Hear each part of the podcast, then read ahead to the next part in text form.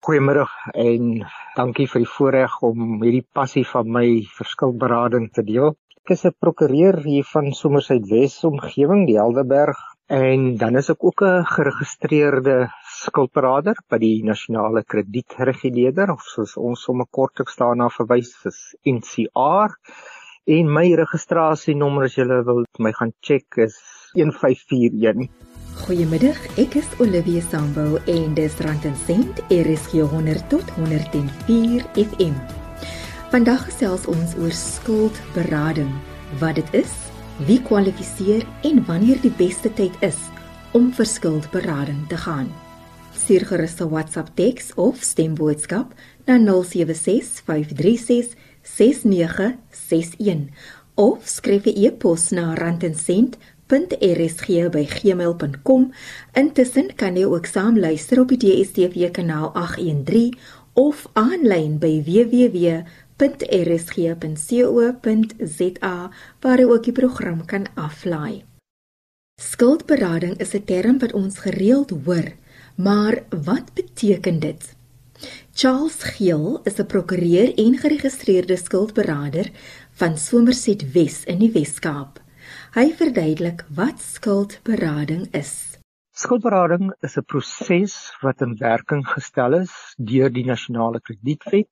En hierdie Nasionale Kredietwet het op 1 Junie 2007 ten volle in werking getree. Dit is iets wat ek al in die hoogste howe geargumenteer het. Daar's verskeie goed in plek gesit deur die nasionale kredietwet, maar vir my is die belangrikste die proses van skuldberading. Skuldberading gaan daaroor om mense wat oorverskuldig is, waarvan daar op hierdie stadium seker amper 14 miljoen in Suid-Afrika is wat oorverskuldig is en die nasionale kredietwet het 'n proses in werking gestel wat hierdie verbruiker kan help om uit hierdie skuld uit te kom binne redelike tyd en binne redelike perke. Want aan die einde van die dag is die wet nie net geskep tot voordeel van die verbruiker nie alhoewel volgens my is dit die een van die mees belangrikste doelwitte van die wet maar daar moet altyd 'n balans wees tussen die verbruiker en die kredietverskaffer. Want aan die einde van die dag draai ons hele kredietsirkel waarop ons finansiële sirkel in Suid-Afrika gebaseer is daaroor dat mense ook hulle skuld moet betaal. Al kan hulle dit die volle skuld betaal nie, dat dit dan ten minste binne 'n redelike tydperk afbetaal word. En dit is wat die nasionale kredietwet tot beskikking stel van ons as verbruikers. Jy het nou uiteindelik 'n geregistreerde skuldberader gevind wat jou gaan help om jou skuld te betaal. Beteken dit nou dat al jou probleme opgelos is en jy maar nou van jou skuld kan vergeet, want iemand gaan omsien daarna? Die sukses van die proses uh, hang daarvan af dat elkeen van die rolspelers hulle deel na die tafel toe bring. So nee, dit is nie 'n geval dat jy gaan ek gebruik 'n Engelse woord dump al jou skuld op jou skuldberader nie. Jy moet volledige inligting in verband met jou skuld aan jou skuldberader besorg en dan begin hy of sy dan met 'n onderhandelingsproses. Dit is 'n relatiewe lang proses met jou skuldeisers of jou skuldkrediteure om 'n situasie te bereik waar jy jou skuld teen 'n verminderde maandelikse paaiement afbetaal, maar dat daardie skuld nog steeds ten volle betaal word binne 'n redelike tydperk. Nou die redelike tydperk is nou al so vasgestel deur die jare en deur riglyne deur die nasionale kredietreguleerder na om en by 60 maande waar ons werk met onversekerde skuld. Nou dis nou weer 'n groot woord. Onversekerde skuld is al daai kredietkaartskuld, daardie ek weet nie wat is die Afrikaanse woord vir storekaarts wat jy al hierdie winkels kry nie. Uh dit is tipiese onversekerde skuld. Daar's geen bate wat dien as sekuriteit vir daardie skuld nie. Versekerde skuld is net wat dit sê. Dit is verseker deur die motorvoertuig wat jy gekoop het of deur die eiendom wat jy gekoop het of selfs moontlik deur daai TV wat jy gekoop het. Hoe werk die proses van skuldberading? as 'n verbruiker my nader aan en of ek moet gou-gou vir hom verduidelik oor die telefoon hy hy bel my gou-gou hy sê hy het nou hy's nou my verwysel wat ook al die geval mag wees hoe werk hierdie storie dan verduidelik ek vir hom sê ons kyk na jou netto inkomste dis nou na al jou aftrekkings van pay as you earn en UIF. Maar kyk ons na jou netto bedrag wat jy oor het aan die einde van die dag. En van daardie netto bedrag trek ons af jou noodsaaklike lewensonkoste. Ons praat nou nie hier van jou luukse lewensonkoste nie.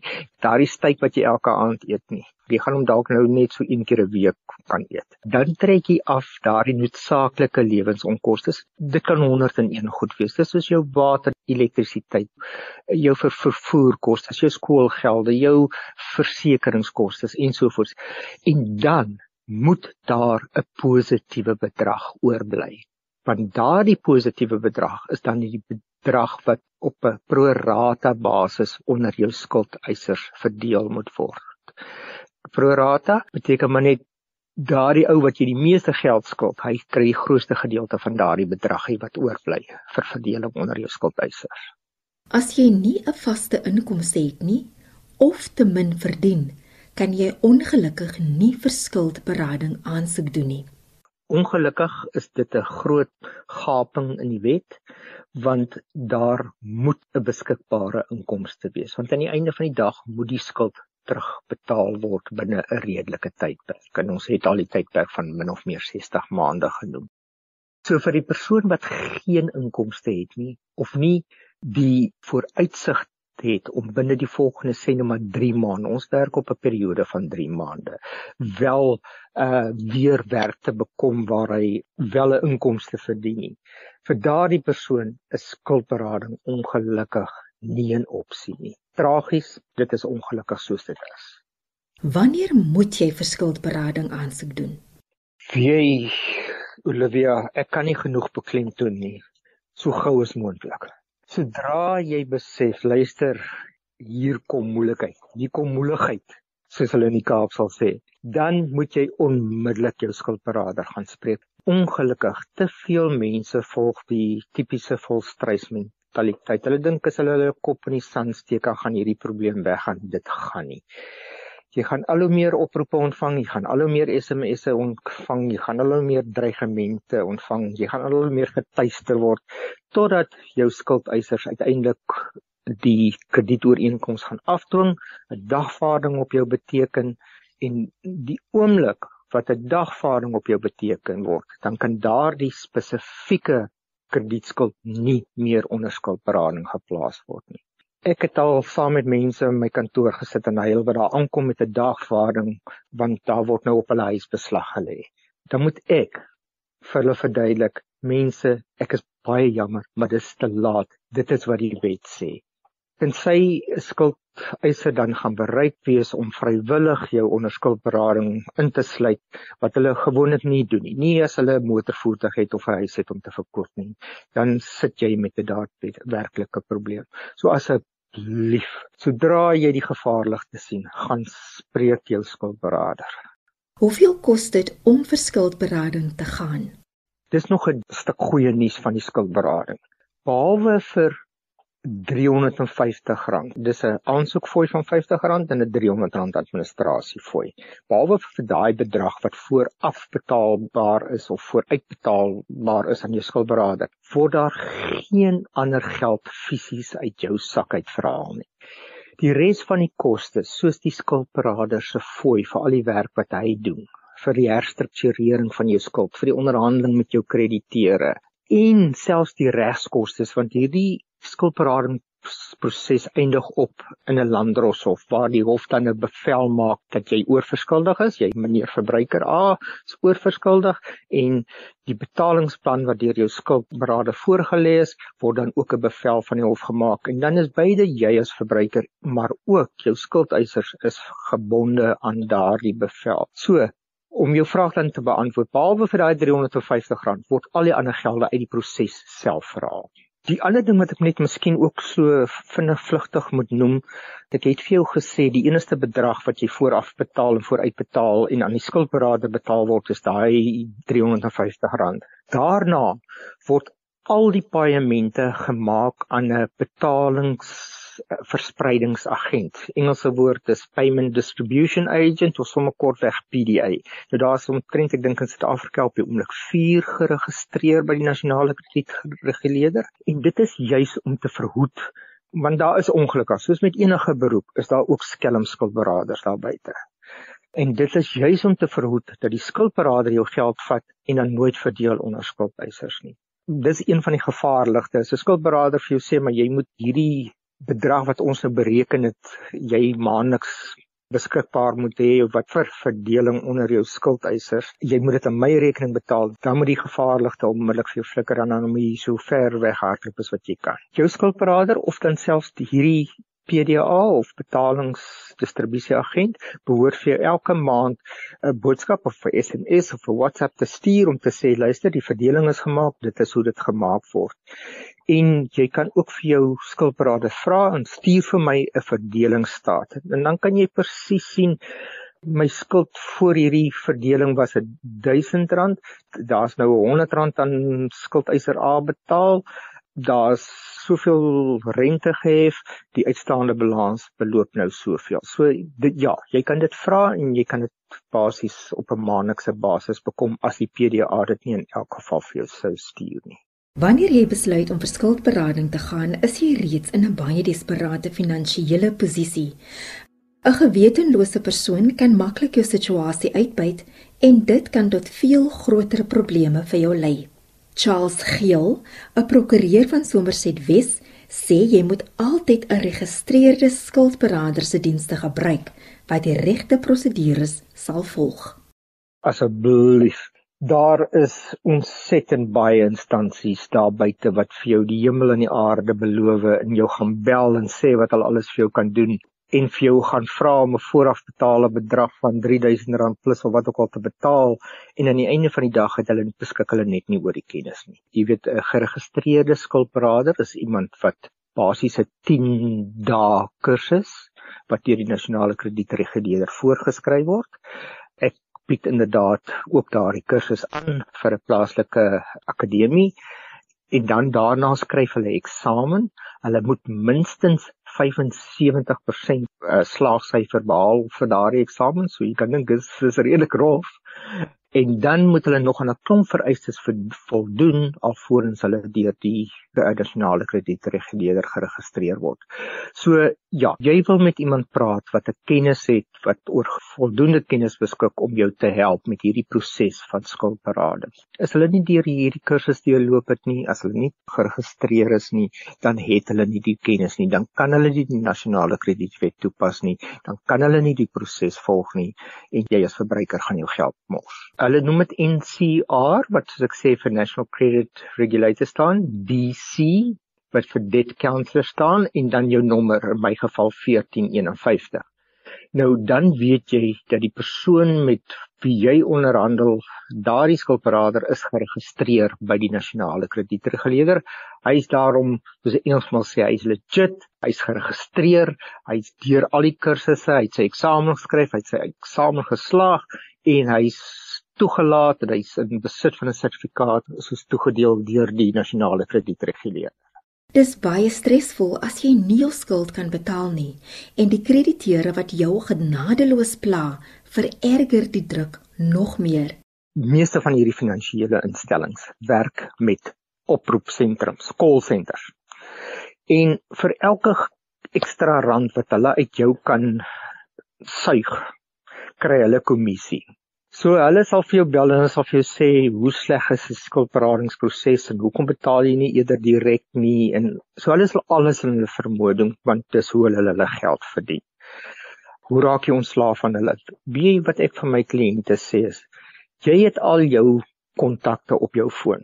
So as daai nommer opkom dan sien ek maar dis Olivia wat my gebel het of ek sien dis my familielid daar van waar ook al wat my bel. As jy nie daai nommer herken nie, druk hom dood. As dit belangrik genoeg is, sal die persoon vir jou 'n boodskap laat op jou voicemail. Ekskuus. En jy kan daarna gaan luister. As dit een van hierdie ouens is wat jou tuister, dan sal daar geen boodskap wees nie. Of dan die slag wat hulle jou wel vang op 'n slegte oomblik en jy antwoord wel die oproep, dan sê jy luister, ek het 'n skuldberader. Hy is op rekord by julle. kontak my skildbrader en praat met hom. Ek gaan nie met jou praat nie. Indien jy binne gemeenskap van goedere getroud is, moet beide die man en vrou vir skuldberading aansoek doen. Wanneer is 'n persoon binne gemeenskap van goedere getroud? Wanneer die paartjie nie voor hulle huwelik 'n kontrak gesluit het wat onderteken is by 'n prokureur of voor 'n notaris nie, dan is hulle binne gemeenskap van goedere getroud. Die bottom line is nee, daar is geen uitsondering nie. Dan is jou skuld my skuld my skuld is joune. As jy binne gemeenskap van goedere getroud is, die skuldeisers kan kies teen wie hulle wil optree. So selfs met skuldberading, dan moet albei partye moet aansoek doen om skuldberading en albei van daardie partye moet die aansoekvorm teken. Selfs al is hulle die ou mense het altyd gepraat van tafel en bed geskei. Ehm um, daar bestaan nie regtig so iets as nie, maar selfs al bly hulle nou nie meer saam nie kom ons sê nou maar nou weier die man, die vrou wil gaan vir skuldberading, maar die man weier om te teken. Ongelukkig dan kan die skuldberader nie daardie aansoek aanvaar nie.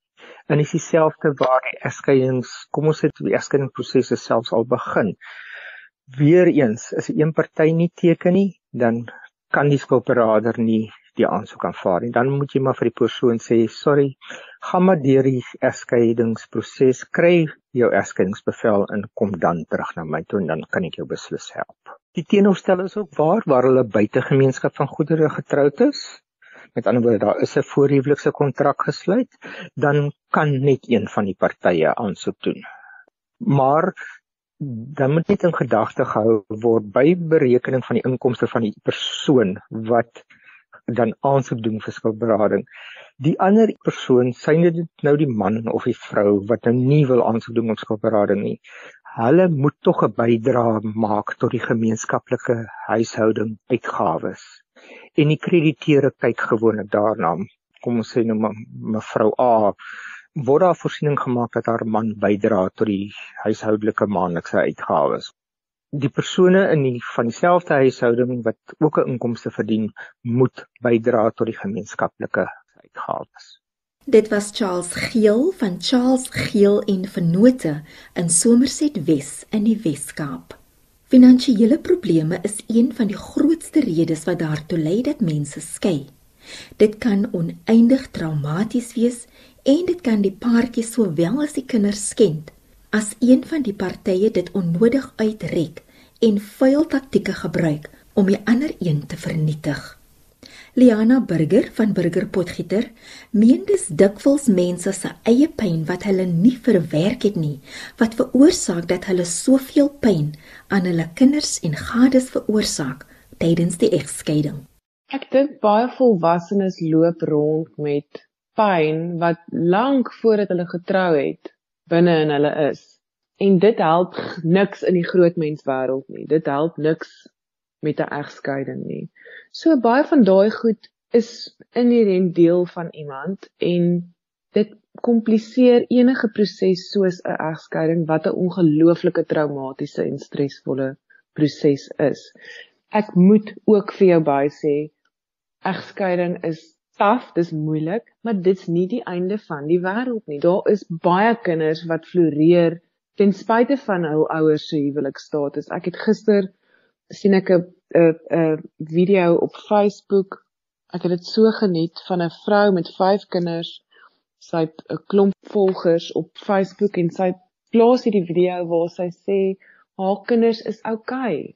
Sy loop 'n ander ma by die skool raak wat vir haar sê: "Haai, sies tog, is jou kinders in 'n gebroke huis? Haai, jy weet dis so verskriklik."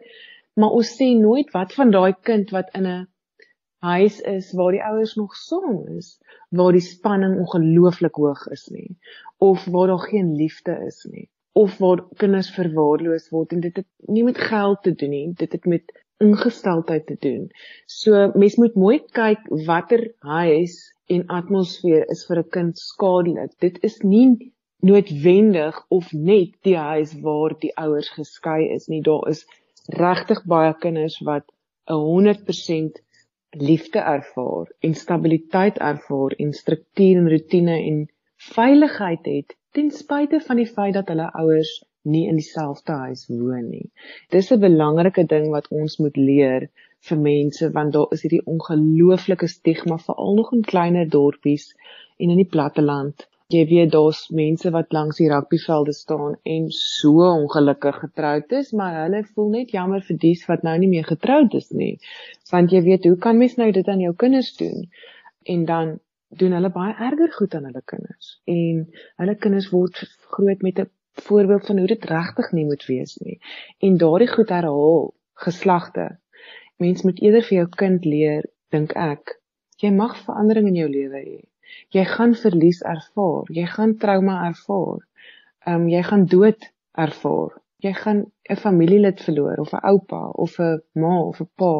Jy weet daar's soveel goed wat wat kinders gaan deurmaak in hulle lewe. Maar egskeiding hoef nie die einde te wees nie.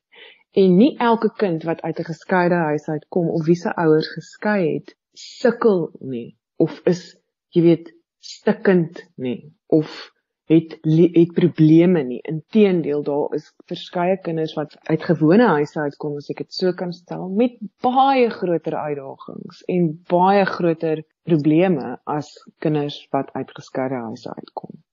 Om te skei is nie 'n maklike besluit nie. Maar wat bring iemand tot daardie punt waar hulle eenvoudig voel dis nie meer die moeite werd om die huwelik te probeer red nie? Dit is die million dollar question en baie mense vra dit vir my. Ek dink elke persoon het 'n ander punt wat by my uitkom. Een persoon kan dalk 10 jaar vasbyt met 'n sekere probleem. 'n Ander persoon kan nie 'n maand met daai tipe probleem of uitdaging vasbyt nie as jy die woord vasbyt wil gebruik. Dit verskil van mens tot mens. So vir elke persoon is daai lyn 'n ander lyn. Ek dink wanneer die skaal tip is wanneer iemand besef om te bly in so 'n huwelik is moeiliker as om dan so 'n moeilike proses soos egskeiding aan te pak. Maar niemand kan vir iemand anders besluit wanneer jy dit mag of moet of kan doen nie. Dit is 'n besluit wat elke persoon self neem en moet neem. Dan deel die ervare prokureur hierdie raad as jy oorweeg om te skei of as jy reeds met die proses begin het om die trauma en die spanning te verminder. Om deur die proses te jaag is 'n groot fout. Net so om te begin vuur en vlam en Hooggeregshof aansoeke te bring onnodiglik vir byvoorbeeld tussentydse onderhoud tensy dit absoluut nodig is, moet vermy word. Die beste raad vir Die proses is om met mediasie te begin. Dis die beste beste raad en om niks te jaag nie. Jy kry baie keer vir al die persoon wat die egskeiding aanhangig maak, wil die proses so vinnig as moontlik doen en afgehandel kry. Dan kry jy dat hulle dalk te veel aanbied, te veel gee, gee wat hulle nie hoef te gee nie, net om uit hierdie jy weet huwelik te kom. Dis 'n fout. Dis 'n fout. So ek het al baie gehoor van mense, veral ook mans na die tyd wat sê, "Jessie, ek het so baie gegee. Ek hoef nie eintlik die huis vir my vrou te gegee nie, maar ek het die huis vir haar gegee." Jy weet, en dan moet hierdie persoon oorbegin. So mens moet kop hou want ons baie emosies en ons baie manipulasie en ons baie toneel speel baie keer en mens moet kop hou en jy moet advies kry en beide moet advies kry en dan moet jy die proses so naby as moontlik aan redelikheid en regverdigheid hanteer en afgehandel kry so vinnig as moontlik. Dit was Lehana Burger van Burger Potgieter in die Wes-Kaap. Ek is Olivia Sambo en ek groet tot volgende week wanneer ons weer gaan gesels oor skuldberading. Totsiens.